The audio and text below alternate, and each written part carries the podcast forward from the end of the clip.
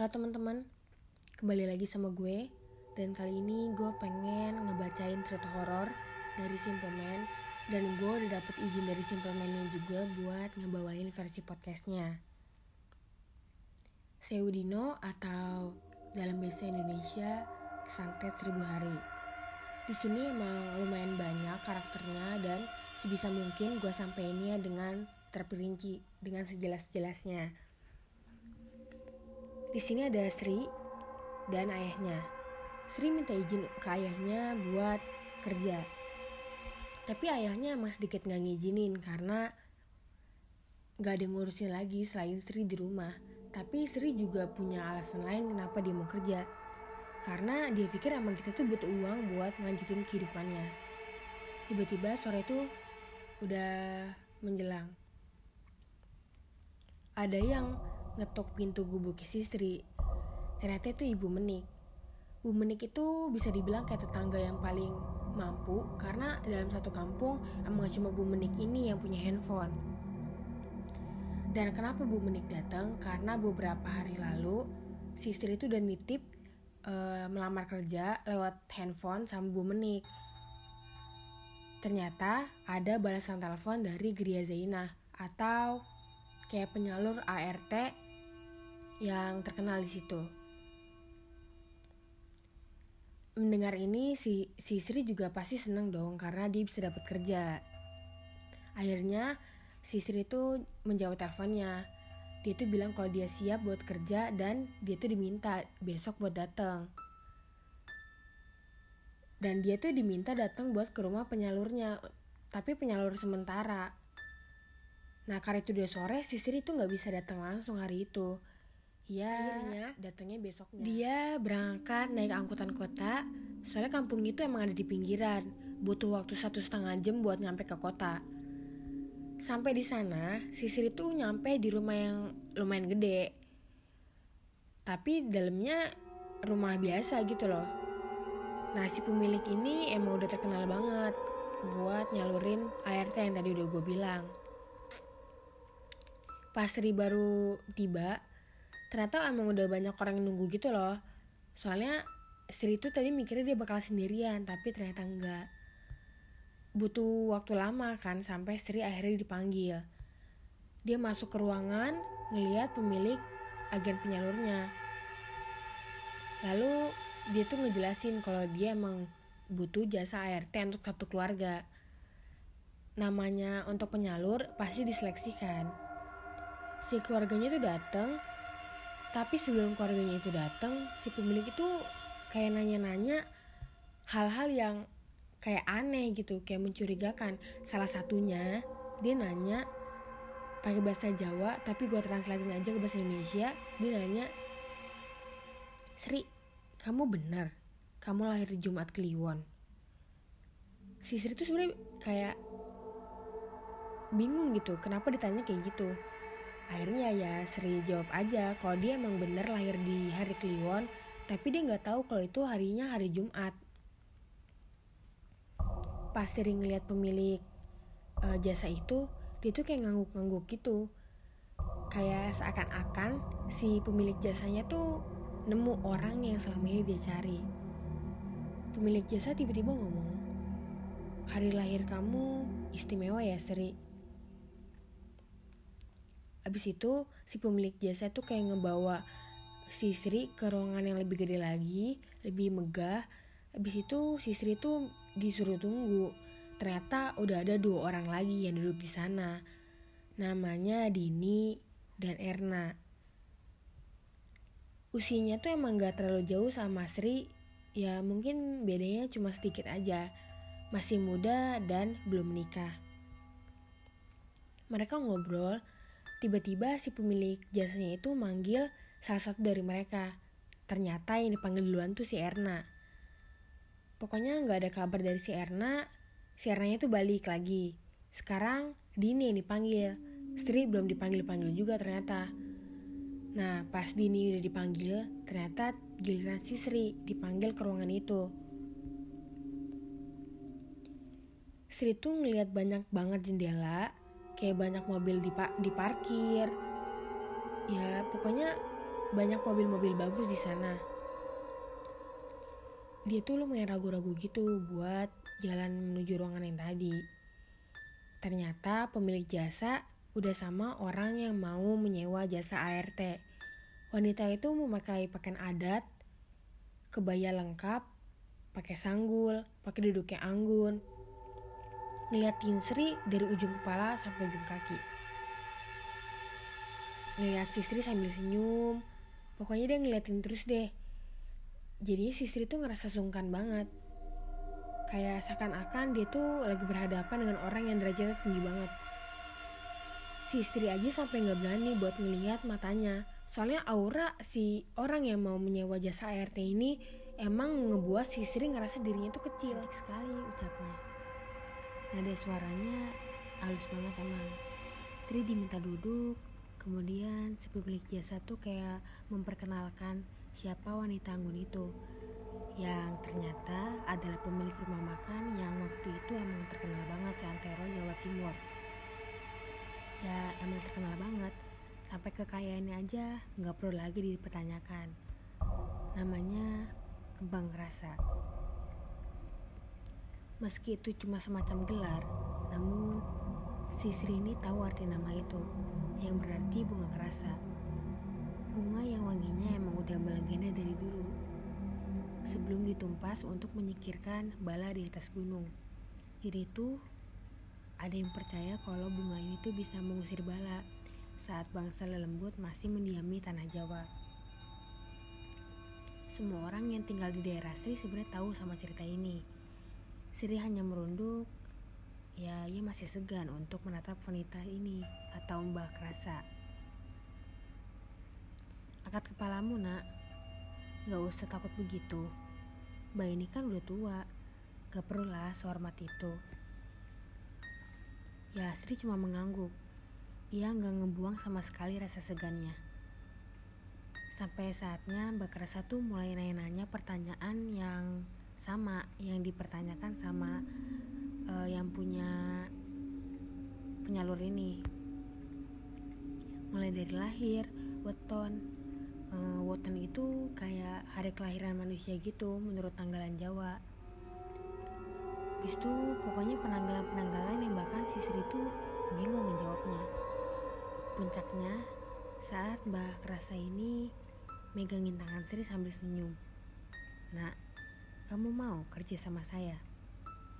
Sri cuma ngangguk-ngangguk aja. Kamu minta berapa untuk gajimu dalam sebulan? Tanya Mbah Kerasa lagi. Ya Sri bingung ngejawabnya. Kemudian dia jawab tapi uh, lumayan gugup. Dia ngomongnya 700 ribu nek. Kalau bisa itu juga. Ya Sri sempat ngelirik Mbah Kerasa. Tapi ya, Mbah Kerasa tetap anggun dengan senyumannya itu. Mbah Kerasa juga bilang, bagaimana 5 juta dalam sebulan? Kamu mau? Ya Sri kaget dong bukan main. Gaji tahun segitu sekitar cuma 500 ribuan doang. Akhirnya si Sri pun setuju. Dia nggak tahu mau ngomong apa lagi. Bak bakal dikasih gaji sebesar 5 juta. Bahkan ketika wanitanya udah pergi, si pemilik jasa sama sekali nggak memungut uang sepersen pun dari Sri. Ya itu makin ngebuat Sri ngerasa aneh aja. Pekerjaan macam apa yang digaji setinggi itu tapi cuma jadi ART ya Sri tuh mulai ragu sebenarnya. Dia pulang menceritakan sama bapaknya. Ya lagi-lagi bapaknya ngomong dong hal yang sama yang dirasain sama Sri.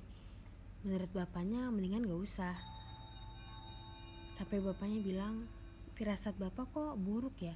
Apa gak usah aja cari pekerjaan lain? Tapi lagi-lagi Sri ya ngiyakinin aja bahwa dia tuh harus kerja ya kapan lagi dengan gaji segitu. Tapi dalam hati si Lisri ia pengen lihat dulu pekerjaan apa sih yang dikasih sama dia. Besoknya ia pergi ke rumah Mbak Kerasa di sana dia ngeliat lagi Erna sama Dini. Dua orang yang dia temuin di uh, jasa penyalur kemarin. Si Sri kaget. Uh, dia kira dia sendiri yang bakal keterima nggak taunya tiga-tiganya keterima si Erna, Dini dan Sri. Seperti sebelumnya mereka tuh dipanggil juga satu persatu sampai giliran si Sri ini. Kali ini si Sri ngeliat angg semua anggota keluarga Mbak Rasa kira-kira ada tujuh orang yang semuanya tuh duduk mandangin Sri dari atas sampai ujung kaki Habis ada kayak wanita umurnya sekitar 30-an ngomong gini ke Sri. Begini mbak, saya mau tanya dulu. Anda memang setuju bekerja di sini? Soalnya ada larangannya. Kalau kamu udah bisa nerimanya, larangannya gak bakalan bisa dicabut lagi. Sri pasti bingung dong. Dia nanya, larangan seperti apa? Si Sri ini bisa ngeliat gelagat aneh karena mereka saling memandang satu sama lain. Seakan-akan aja pertanyaan Sri itu ya nggak perlu dijawab. Bak rasa berdiri dari tempatnya. Ia berbisik sama Sri. Hidupmu akan terjamin bila kamu mau. Tapi saya nggak mau maksa. Kalau kamu nggak mau ya sudah. Gak ada jawaban dari pertanyaan Sri sama sekali. Ya, tapi Sri memberi jawaban pada saat itu juga. Iya, saya mau. Padahal si Sri nggak tahu kan pekerjaan macam apa yang mau diberi sama dia. Sri akhirnya melangkah pergi. Ia menemui Dini sama Erna. Ternyata mereka semua diterima bekerja di sini. Di sini adalah pertanyaan yang membuat mereka kebingungan. Apalagi saat malam mereka tiba, malam itu ketika mereka udah datang, Bakrasa tuh kayak udah nungguin gitu sama anggota keluarga lain. Di sini dia dijelasin bahwa mereka bertiga gak kerja di sini, tapi ditugaskan di sebuah rumah lain yang rumahnya tuh lumayan jauh, ada di dalam hutan. Sri sama yang lain bingung dong, gak ada penjelasan sama sekali sebelumnya tentang perjanjian ini. Rumah macam apa yang dimaksud Sri pun yang nggak tahu seperti apa. Sampai ada sebuah mobil yang ternyata udah siap mengantar mereka bertiga. Di sana ada supir mereka dan supirnya akan menjelaskan pekerjaannya. Mobil udah bergerak. Sri, Erna, dan Dini masih terlihat kaget kayaknya satu sama lain gak ada yang ngomong sama sekali. Ya bingung. Sampai akhirnya Sri memberanikan diri bertanya sama sopir. Namun si sopir tuh kayak ngasih isyarat bahwa mereka gak boleh ngomong dulu. Seakan-akan mereka tuh kayak dibuntuti sesuatu. Ada kejadian menarik yang bikin Sri tuh makin curiga. Setiap pada persimpangan, si sopir berhenti mengambil sesuatu dari belakang, meletakkannya di tengah jalan seperti bunga di dalam kotak yang terbuat dari daun pisang gitu. Hal ini yang bikin kecurigaannya itu makin dalam. Hal itu terus dilakukan sampai akhirnya mobil udah ninggalin kota, jauh dan perlahan mulai memasuki area hutan. Jamnya udah nunjukin pukul 12 malam. Ya waktu itu hutannya menggelap. Sampai nggak kelihatan apa-apa? Gak kebayangkan bahwa mereka bakal tinggal di dalam hutan yang segelap ini. Kiri kanan pohon. Dan tentunya semak belukar. Mobil terus berjalan sampai tiba di sebuah jalan setapak perlahan mobil melesat masuk. Di atas jalan setapak yang ditumbuhi rumput liar mobil tuh terus nerobos aja kayak maksa masuk gitu. Sri sama yang lain kayak udah ngerasa nggak nyaman gitu. Pak kita mau ke mana ya? Saya nggak bakal dibunuh kan? tanya Dini.